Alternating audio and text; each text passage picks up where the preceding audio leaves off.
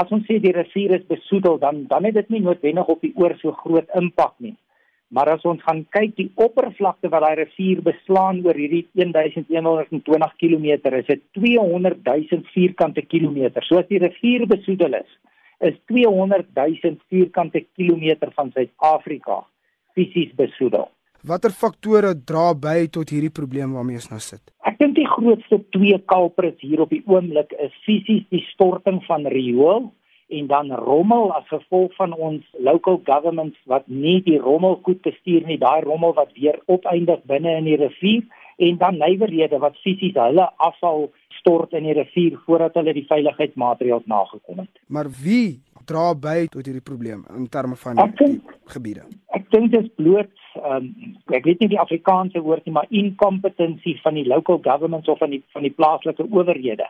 Want hulle is tog maar verantwoordelik om toe te sien dat hulle die riool behoorlik bestuur. En ons met ons betrokkeheid kom ons agter dat die rioolwerke is of heeltemal tot stilstand gekom dit werk glad nie. Die infrastruktuur het verval dit voorberei vir 10 of 20000 mense en nou is daar 200000 mense op daai netwerk gelaai. So die infrastruktuur kan dit net nie hanteer nie of dit al so verouder en verval en is nie in stand gehou nie. En uh, dan is daar geen ander alternatief nie. Die stormwaterpype en goed bars dood eenvoudig net oop in die riool roep na die kortste naaste plek toe wat dan die banke van die rivier is. Die mense wat hierdie water drink wie word geraak deur hierdie kwessie? Jy weet Want weet wat met die grootste ironie van hierdie saak is? Dieselfde munisipaliteit wat die riool stort, pomp daai water weer terug uit vir hulle gemeenskap. So hulle spaar weer die riool in die rivier te stort.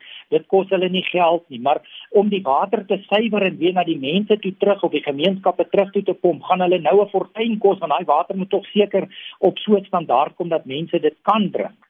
Maar die ergste wat geraak word is juis ons arm gemeenskappe. Ek het vroeër in die week na my huishulp se huis toe gery om te gaan verstaan wat haar frustrasie is want sy sy lewe op 'n minimum loon. Sy moet addisionele krag gaan koop want sy kan nie die water net uit die kraan net tap en drink nie. Sy moet dit fisies kook, afskep, afkoel, weer kook afskep en afkoel. Nou dit klink nie vreeslik vir jou en vir my nie, maar vir daardie persoon wat 'n ekstra R150 in haar begroting moet uithaal om hierdie water te kry sodat haar gesin dit kan drink, is R150 het 'n wesenlike impak op haar dag tot dag bestaan. Ons kan dit net nie aanvaar nie. Dis nie toelaatbaar nie. Dis dis dis net nie aanvaarbaar nie.